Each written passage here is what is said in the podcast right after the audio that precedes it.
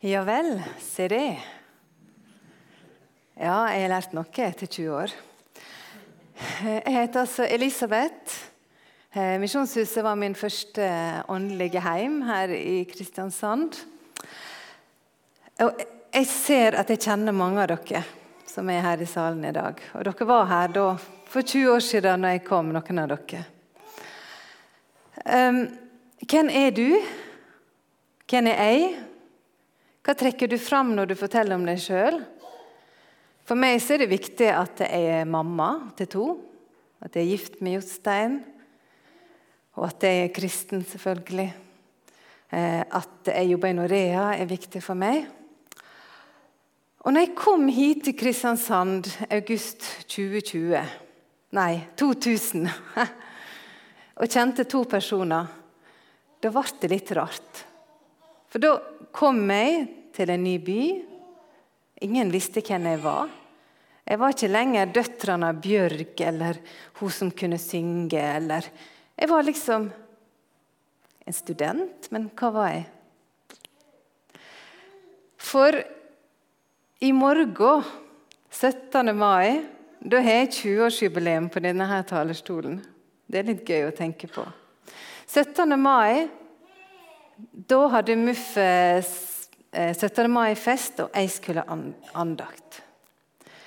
Og da viste jeg med hele meg hvor jeg var ifra. Og Det var fordi jeg var kledd i min vakreste svarte ørskogsbunad med broderi i jordfarger som jeg hadde arva etter pappa si tante Ruth. Og jeg kjente at jeg var rett i ryggen, og r-ene rulla som aldri før. Og hele meg ropte hvor jeg kom ifra. For jeg er vokst opp i ei lita bygd på Sunnmøre, Sylte. Ei lita bygd som du egentlig kjører gjennom hvis du skal sørover eller nordover. Ja, hvis du velger den, den strekninga, hvis du skal til Måløy eller Selje eller Ikke så godt kjent, men for meg selve sentrum i universet. Der som jeg hadde bygd min identitet i åtte generasjoner bakover. Det var der jeg hørte hjemme.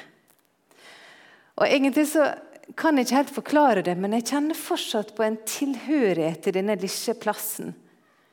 Og egentlig aldri vil helt kjenne meg hjemme her. Beklager, altså.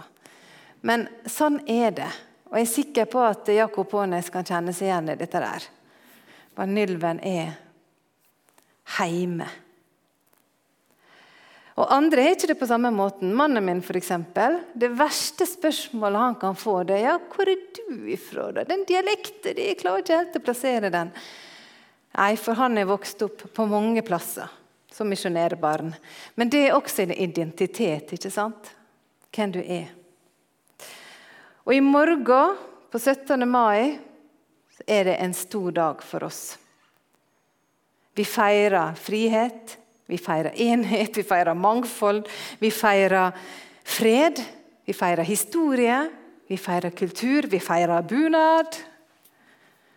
Det norskeste vi har. Og jeg husker det, jeg husker ikke så mye om det jeg talte om, men jeg husker jeg snakket om det. Hvor hører du hjemme? Hva er din identitet? Hva er ditt heimland? Og Noen kjenner seg hjemme her, i Norge. Andre gjør ikke det fordi at du er egentlig ikke født her. Eller du har bodd så mange år i et annet land at egentlig så føler ikke du det helt norsk. Men du hører til her. Enten gjennom et statsborgerskap eller at du bor her. Og Jeg tenkte på noe de siste månedene etter jeg fikk spørsmål om å komme hit. Og ble minnet om at det var 20 år siden jeg sto her. At ja, det her vil jeg snakke om i dag. Ikke bare fordi det er 17. mai i morgen, men fordi vi trenger i disse tider, i dette livet vårt, å bli minnet om hvor hører jeg hjemme? Hvem er jeg? Hvem hører jeg til? I Filipperne 3, 20-21 sier Paulus.: Men vi har vår borgerrett i himmelen. Og derfra venter vi Frelseren, Herren Jesus Kristus. Han skal forvandle vår skrøpelige kropp og gjøre den lik den kroppen han selv har i herlighet. For han har makt til å underlegge seg alt. Vi har alle et statsborgerskap, om det er norsk eller om det er fra et annet land. Og Rent fysisk så er vi jo her knytta til Norge. Jeg vet ikke om noen som ser på noe som ikke bor fysisk i Norge, men du ser poenget. Men som gjenfødt kristen, den dagen du tok imot Jesus, så er ikke du bare borger av Norge. Du er faktisk borger av et annet rike. Og Vi leser i Romerne 8,17 at vi er Guds arvinger og Kristi medarvinger fordi vi har fått barnekår og dermed arverett. Og så hadde jeg lyst til at vi sammen skulle lese noen vers fra 2. Korinterbrev 4, 16 til 5, 9, før jeg går videre. Derfor mister vi ikke motet. For selv om vårt ytre menneske går til grunne, blir vårt indre menneske fornyet dag for dag. De trengslene vi nå må bære, er lette. Og de skaper for oss en evig rikdom av herlighet som veier uendelig mye mer. Vi har ikke det synlige for øyet, men det usynlige. For det synlige tar slutt det usynlige er evig. For vi vet at om det rives ned, dette teltet som er vårt jordiske hus, så har vi i himmelen en bygning som er fra Gud, et evig hus som ikke er gjort med hender.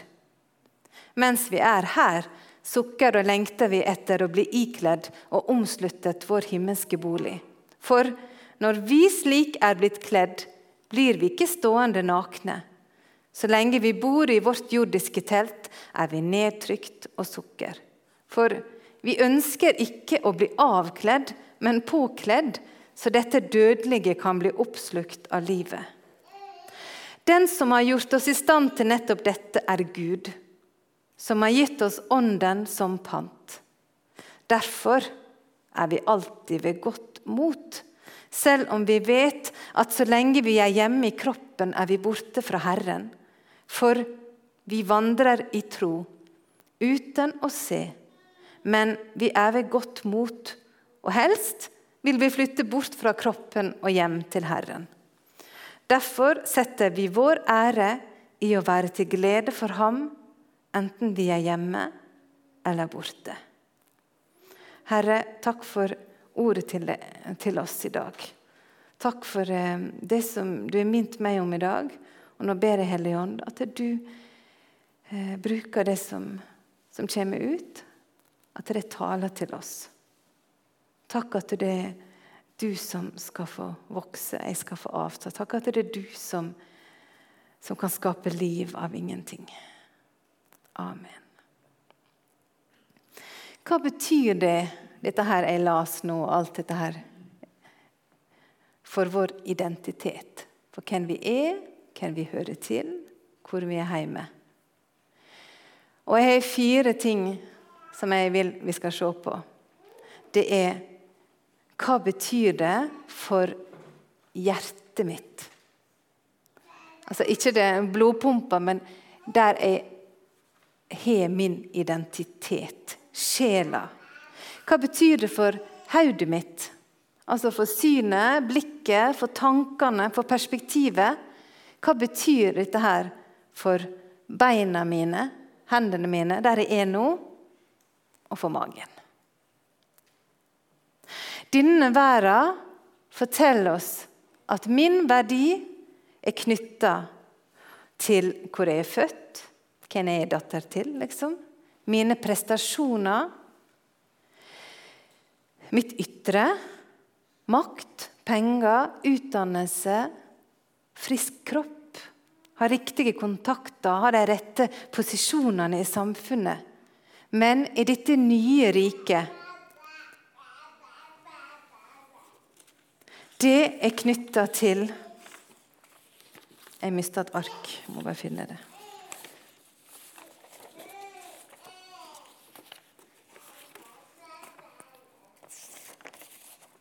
Der. I dette nye riket det er Guds rike. Og Paulus sier, det må vi lese, det står i Efeserane 2, 6 pluss 19. I Kristus har Han reist oss opp fra døden sammen med ham og satt oss i himmelen med ham. Altså er dere ikke lenger fremmede og utlendingen, men dere er helliges medborgere og tilhører Guds familie. Vi tilhører Guds rike. Og Er det noe Jesus talte om når han gikk på jorda, så var det Guds rike. Jeg leste Det Asbjørn Kvalbein som jeg telte for meg. Da. Men eh, stod, Han fortalte det at Jesus talte om Guds rike, eller himmelriket, 61 ganger. Det var så viktig for han, og han sa det også, at det er det jeg er kommet for, å fortelle om Guds rike. Og hva er det med dette Guds rike? Jo, jeg sa det i stad. Denne verden, dette riket, min verdi er knyttet til hvor jeg ser ut, hva jeg gjør, osv. Men i Guds rike er det opp ned. I Guds rike er den minste størst. I Guds rike der ser en til det indre, ikke til det ytre. I Guds rike der er jeg sterk når jeg er svak sjøl. I Guds rike så skal jeg ikke prestere og fikse på fasaden. Nei, i Guds rike har en skatt i leir, et leirkar med hull i. Og det er allerede ferdig prestert pga. det Jesus gjorde for oss. I Guds rike så handler ikke det om å bli tjent, men å tjene. Og det handler ikke om å gjøre, men å være. Og i Guds rike, der er en ikledd nåden. Ikke den vakre sunnmørsbunaden, men nåden. Tim Keller han hører jeg mye på. Eh, og han sa det sånn The only person in the universe whose opinion counts looks at you and finds you more valuable than all the jewels in creation. Den eneste som faktisk har en grunn og en posisjon, altså han som skapte deg. Han som har en posisjon til å si hvem du er. Han ser på deg og ser deg mer verdifull enn juveler. Og ja, vi kan ha mye godt å skryte av på vårt ytre. Heldigvis. Takk og lov. Vi er jo fantastiske, skapt i Guds bilde og alt det her. Paulus han forteller at ytre sett, så sa han om seg sjøl, så har jeg grunn til sjøltillit. Han sier dette her i Filipperne 3. Om andre mener de kan sette sin lit til det ytre, kan jeg det enda mer. Og så ramser han opp. Jeg er omskåret på den åttende dagen. Jeg er av Israels folk, Benjamins stamme, hebreer av hebreere, lovlydig fariseer, en brennende ivrig forfølger av kirken, uklanderlig i min rettferdighet etter loven. Han hadde det på stell, han Paulus, ytre sett. Men så sier han men det som før var en vinning for meg, det nå regner jeg for Kristi skyld som tap. Ja, jeg regner alt som tap, fordi det å kjenne Kristus Jesus, min Herre, er så mye, mye verdt. Opp-ned-rike. Hva betyr det for mine, mitt hjerte, min identitet, å være i det opp-ned-riket? Vi så det i Salme 139 i begynnelsen av gudstjenesten. Dine tanker for meg, Gud, er så mye større. Så mye større enn min kropp som ikke funker, min helse som ikke er på plass. Det at jeg mister denne jobben, det at jeg ikke får den karrieren jeg ønsker meg, det at jeg nå er gammel og utslitt og ingen har bruk for meg, det er ikke sånn i Guds rike, for det er opp ned. Når du er født på ny, så er du ikke av denne verden. Du har din identitet knyttet til en annen verden. Du er Guds barn. Hører du det? Du er Guds barn. Vær deg bevisst på at det er slik. Din identitet er ikke knyttet til om du ble uføretrygda. Det bryr ikke Gud seg om, for han elsker deg. Og Derfor kan du faktisk si som Paulus at en mister ikke motet selv om det ytre kroppen, altså teltet, går til grunne. For vi har ikke det synlige for øyet, men det usynlige. Lauren Daigle har skrevet en sang, eh, 'You Say'. Den skal teamet synge etterpå på norsk. Og da, Det er David André Østby som har oversatt. Og Han sier det slik Du sier jeg er din, selv på min verste dag. Du sier jeg er sterk, når jeg tror jeg er svak. Det eneste jeg bryr meg om, er hvem du sier at jeg er. For jeg har funnet sann identitet i hvem jeg er i deg. Der kan vi få hvile. Det betyr det ene. Hvorfor når vi er borger av himmelen. Men hva betyr det for hodet vårt, for tankene våre, for perspektivene våre? C.S. Lewis han eh, sa det sånn Når jeg finner i meg sjøl behov eller lengsler som ikke denne verden kan tilfredsstille, ja, da er det fordi jeg ble skapt for ei anna verden. Når og Johannes han sier det så fint i et av brevene sine, 1. Johannes 3.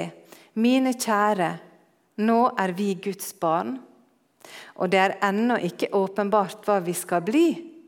Men vi vet at når Han åpenbarer seg, skal vi bli lik ham, for vi skal se ham som han er.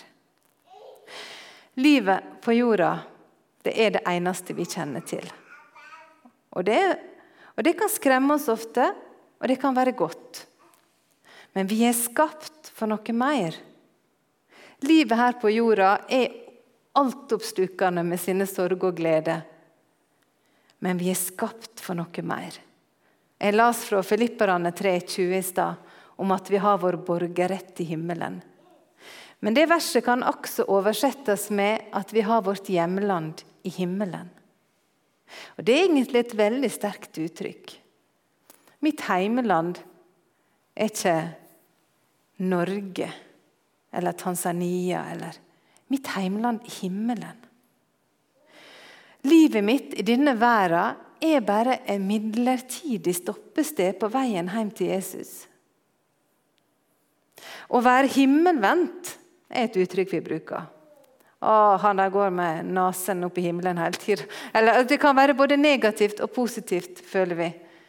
Men å være himmelvendt det er ikke manglende livslyst eller manglende ja, At vi lever i en tilværelse der det er ikke noe mening, det som skjer her. Vi skal til himmelen. Han, at vi bare skal være opptatt av åndelige ting. Nei. Men det hjelper oss å ha perspektiv over livet. Vi leste det i den teksten sammen. For vi vet at om vårt jordiske hus vårt telt rives ned, så har vi i himmelen en bygning som er av Gud. Et evig hus som ikke er gjort med hender. Telt er flott, og det er kjekt å være på telttur. Det kan også være litt krevende. Kaldt og vått og litt bråkete hvis du er det, ikke riktige naboer. på seg. Men kjempekoselig med naturen. og Døtra mi har spurt nå hver dag i mange uker om ikke vi kan sette opp telt i hagen snart. Det bruker vi gjøre på sommeren. Og Paulus sammenligner altså kroppen vår som et telt. Noe som ikke er bygd på fjell, noe som ikke har harde vegger. Noe som ikke fort kan flyttes. Som, for det kan jo et hus, sant? det kan stå fast. Men et telt kan flyttes fort, det kan rives ned. Og det er utsatt for vær og vind. Og Men det er midlertidig. Det venter oss en heim, et hus der hjemme hos Jesus i lag med han. Jeg bruker ikke mye energi på å tenke på ja, hva det vil si. da. Ny himmel, ny jord, himmelen altså, hva, Alt dette her det, det er andre som kan gjøre. Men bare det å vite at det er en bolig for oss Jesus sa det òg eh, kvelden før han døde. Jeg går hjem. til min far og lager en bolig til dere? Tenk på det. Ikke fordi at vi skal gå og sveve i ei sky, men hva perspektiver gir det på det vi går gjennom nå? Du veit hva du går igjennom. Vi går igjennom som verden en pandemi som er krevende. Men du går kanskje gjennom andre ting i ditt liv. Men vi har et mål. Og Jesus Vi sang om det. For, la meg få se hvor rik jeg er. Jeg har en far i himmelen. Men hva betyr dette her for føttene våre?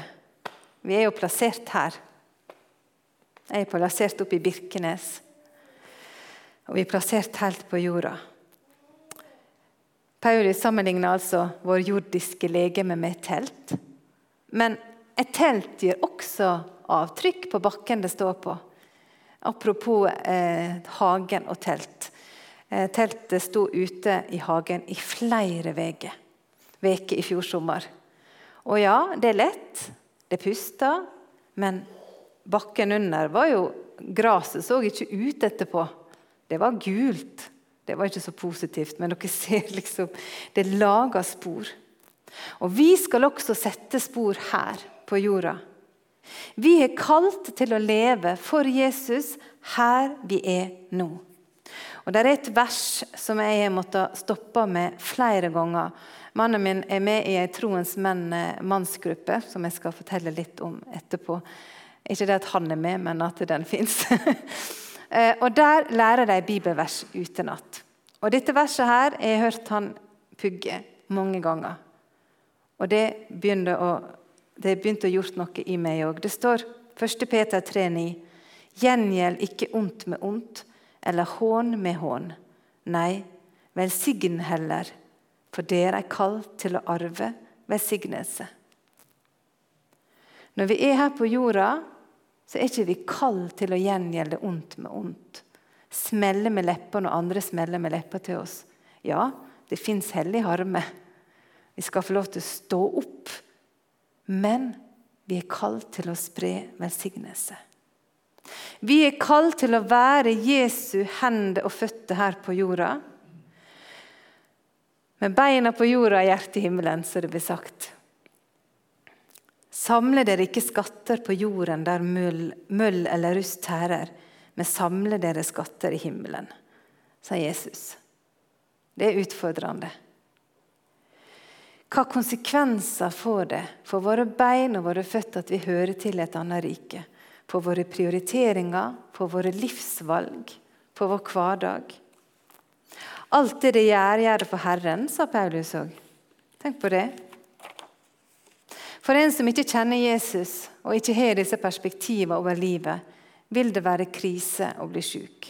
Det vil være krise å miste jobben, miste huset og miste livet. ja. For all del, det er det jo for oss også. Det tar ikke vi lett på. Forstå meg riktig. Men vi er skapt for noe større. Vi er skapt for ei evighet. Og det å vite at her på jorda så vil riket komme og gå, men vi har et evig rike som aldri forandrer seg. Som Guds barn har vi borgerrett i himmelen. Jeremia 29, 11 er et av mine favorittvers. Jeg veit hva tanker jeg tenker om dere, sier Herren. Fredstanker og ikke ulykkestanker. Jeg vil gi deg framtid og håp. Det gjelder her. Det er ikke det. Men vi mister noe vesentlig hvis vi glemmer at vi er på vei til et bedre sted. Men hva med magen? Hva med mageknipen? Frykt, angst, bekymringer setter seg i magen. ikke sant?